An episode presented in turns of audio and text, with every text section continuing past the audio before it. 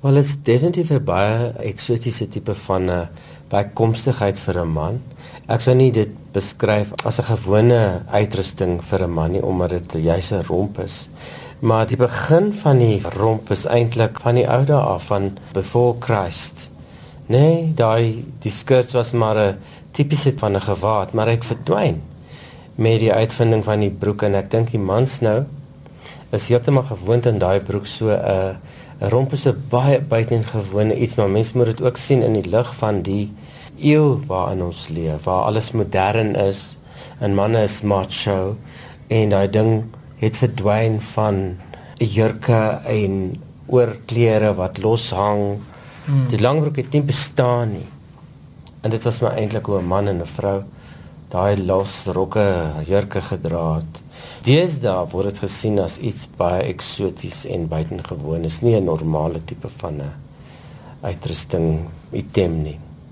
Dink jy dat dit 'n tendens is wat wel terug gaan kom in die samelewing want ons sien voorbeelde daarvan baie oorsee, maar wat van hier in Suid-Afrika? Ja, nee, ek weet definitief mans modes probeer om uit te breek van die tipiese mans voorkoms soos 'n das en 'n baadjie en 'n onderbaadjie in die, in die gewone tipe goeders wat ons van weet. So ek weet daar is definitief 'n beweging om by te probeer dra.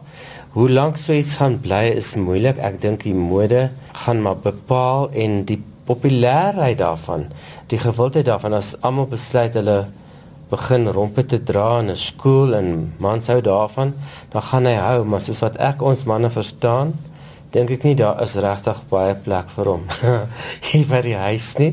Maar ek meen, mind jy, hy kan ook by die braaivleis lekker werk. As jy jou voorskoot dra, dan sit daar 'n plek vir hom daar by die braaivleisvuur. ek dink nou aan rompe wat op verskillende maniere voorkom. Daar's die van die kortes en die langes, van hulle wat oop is aan die kant. Wat is die mees gewilde tipe? Ek sou sê 'n korter skirt dink ek is vir my die een wat meer gewilder sal wees oor 'n lang broek, moontlik oop aan die kant, een kant, moontlik toe. Ja, ek dink dit gaan net maar wees oor tipe van detail. Dink jy dat dit wel veral in die korporatiewe omgewing ook gewild sal wees want baie van die rompe kan uit dieselfde tipe materiaal gemaak word as wat iemand se pak gemaak ja, ek dink in die korporatiewe wêreld gaan mense vir jou skeef kyk. Ek dink ten minste vir die volgende 5 tot 10 jaar. Ek weet hoe lank gaan hy skirt vat om pos te vat uh, in daai wêreld nie want dit is maar 'n baie grys wêreld, jy weet baie ernstig en strak en vierkantig.